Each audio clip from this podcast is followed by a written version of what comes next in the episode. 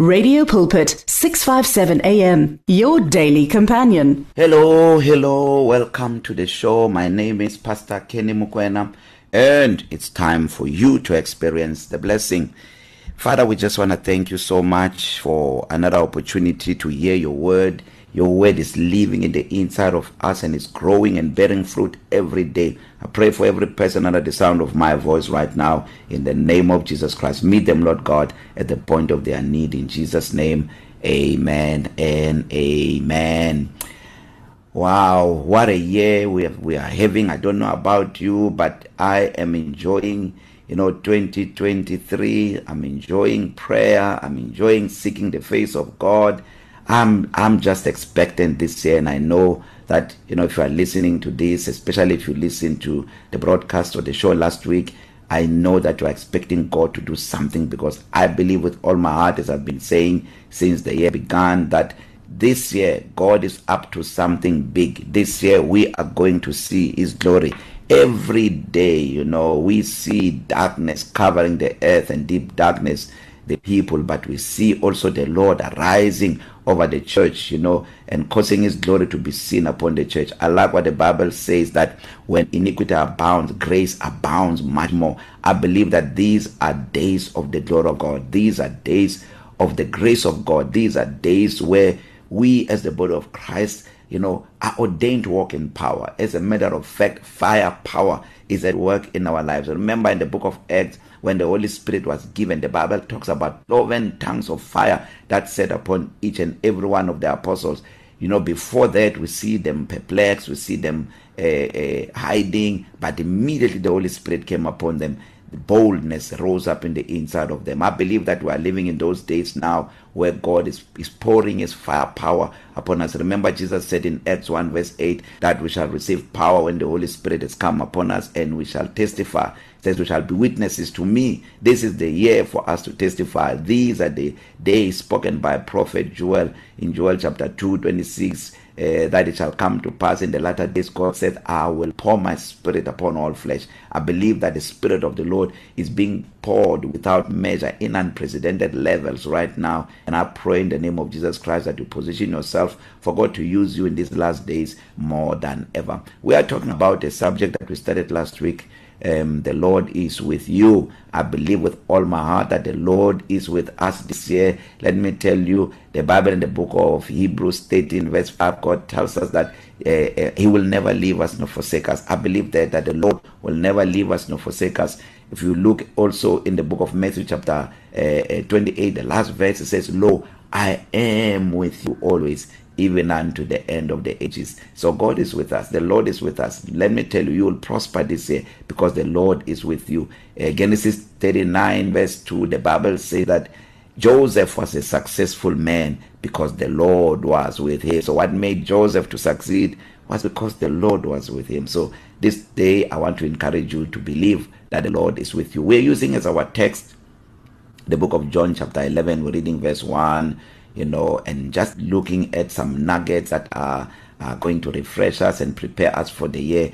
The, the the destination is for you realizing what you can do you know how much you know you can experience of God just by simply believing that Lord is with you. You know if if if if you saw the Lord physically unfortunately we are not called to walk by sight. We are called to walk by faith. That's what 2 Corinthians 5 7 tells us. We walk by faith and not by sight. But just think of this for a moment.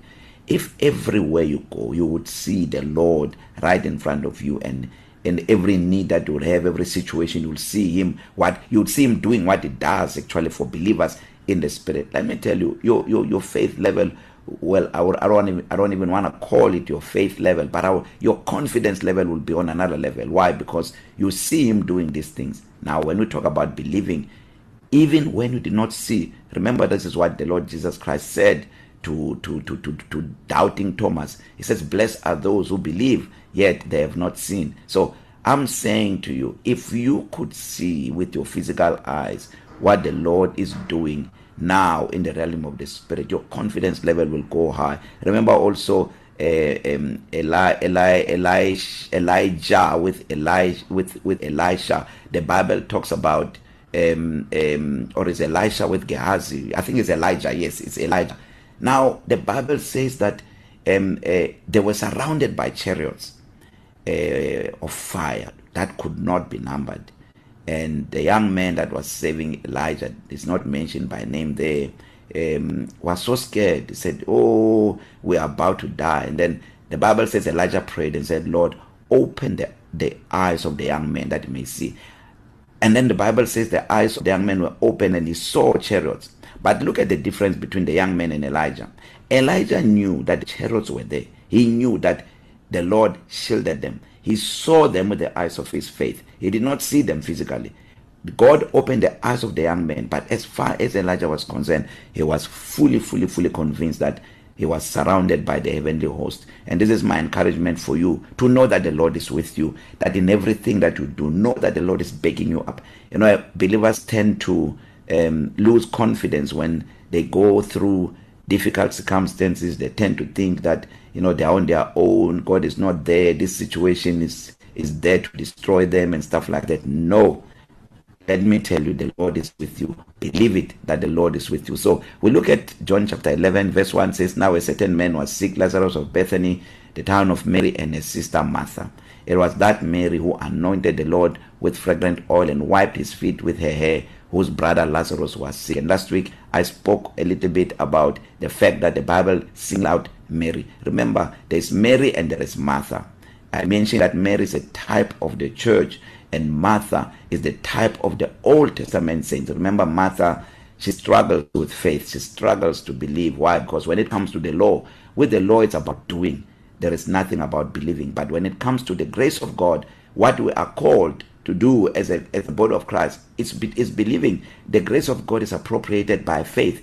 Without faith you cannot appropriate the grace of God. And by this I'm not saying that the grace of God you cannot experience the grace of God. There is a difference between experiencing the grace of God and appropriating the grace of God. When you experience the grace of God, it's the faith of the Lord that that comes into the scene. But when you appropriate the grace of God, it's you telling yourself that today this is how my day is going to be. You are appropriating the grace of God. And there is you know we also know that the Lord is with us all the time, but there is also something else about appropriating the presence of the Lord when you face a situation that is hopeless and you tell yourself that the Lord is with me. Lord, I thank you that you are with me. I know that you are with me that even in this situation that I'm in right now, I know it will turn for the better because you are with me.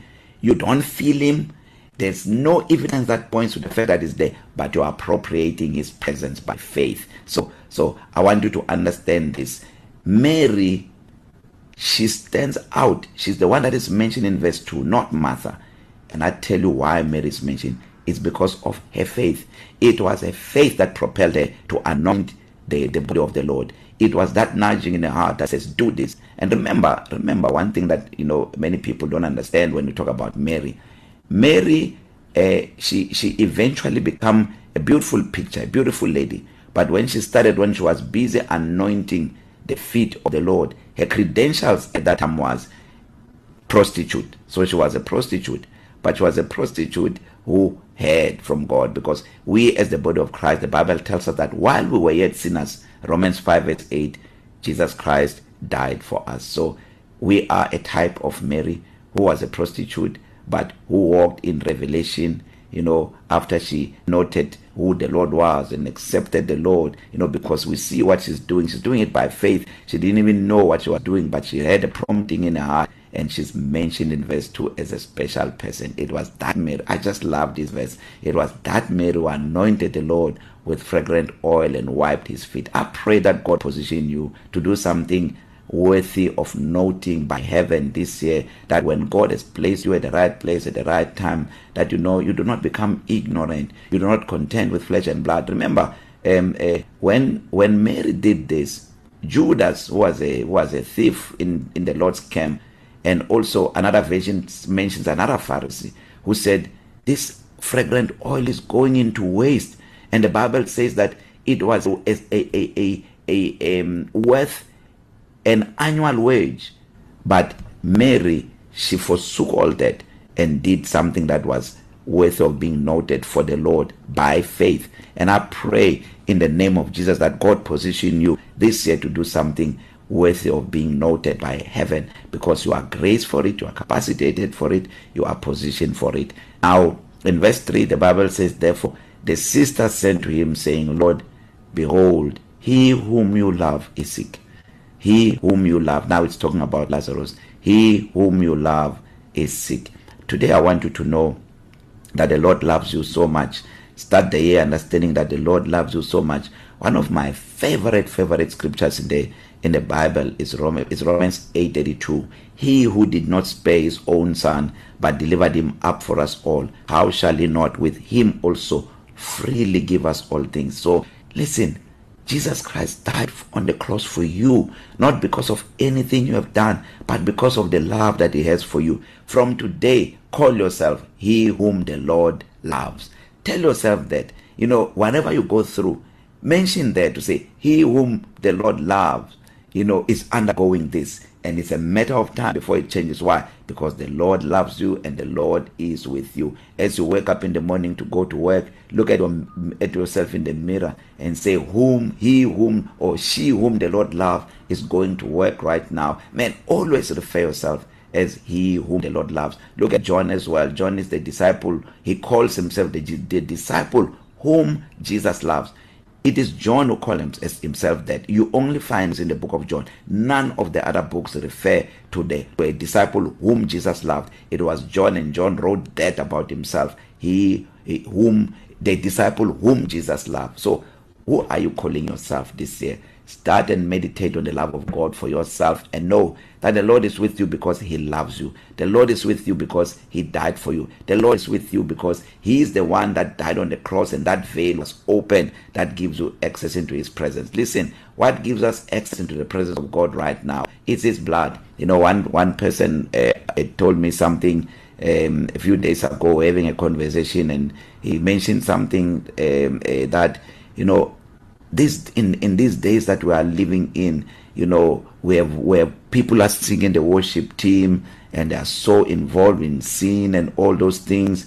Um, well i know this is judgmental but uh, somehow it may be true. And it says they are in a nightclub on a saturday and then on sunday they come to lead us into the hall of holies. I laughed at the person and i said No one leads me to the Hall of Holies. No man leads me to the Hall of Holies. In our church, we are not led by men into the Hall of Holies. What opened the door for us to enter the Hall of Holies is not worshippers. No, no, it's the blood that has opened the door for us. We enter boldly into the throne of grace by the blood of Christ. It is the blood that has given us that access. The Bible says in the book of Ephesians, uh, um, uh, Ephesians I think it's chapter 2 verse 13 it says but now in Christ Jesus we who were far off has been brought near by the blood of Christ not by worshippers so i want you to know if you are a worshipper singing in your church as much as you do your best to serve in your local church and do the best you can to lead the church in song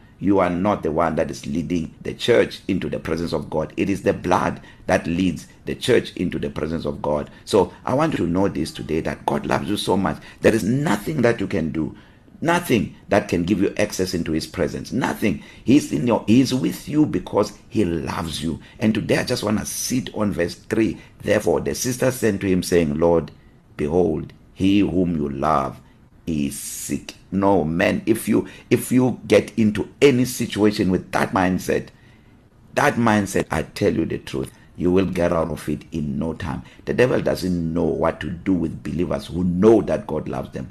Even galatians 5 verse 6 the bible tells us that in christ jesus neither circumcision nor uncircumcision availeth anything but faith which works by love. This here requires all of us to walk by faith and to do that. We need to know that God loves us. Your faith is going to work when you know God loves you. Why is the Lord with you? Because he loves you. John 3:16 For God so loved the world that he gave his only begotten son that whoever believe in him should not perish but have everlasting life. Today we have life because God loves us. So believe it today that God loves you and I love you too man. I've run out of time. I just want to pray for you if you are not born again, you have not made Jesus the Lord of your life it is befitting that in the month of January you give your life to Christ say yes to Jesus and watch what is going to do with your year I don't know how 2022 has been to you has been like, but I know without a doubt that if you can get God, if you can get the Lord to be on your side this year by receiving the Son of God, your situation will change for the better. So make this prayer with me. Say, Lord Jesus, I receive you now as my Lord and my Savior. Amen and amen. If you made that prayer, you are born again, you are my brother, you are my sister. I will see you in heaven. Love you so much. God bless you. Have a wonderful, wonderful, wonderful week ahead. May you experience the goodness of the Lord every moment of every day. God bless you. The words of the Lord are words of life. Your heart is on 657 AM. Radio Pulpit understands that praying alone isn't always easy. So join us to form a chain of prayer for you and with you. To send in prayer requests, contact 067 429 7564 or alternatively email us on prayer at radiopulpit.co.za. The search continues for top quality South African Christian music. If you are a new artist or releasing a new CD, then send it to Radio Pulpit. For more information, please visit the Radio Pulpit website. That's www.radiopulpit.co.za or phone us during office hours 012 334 1200. Radio Pulpit, your daily companion.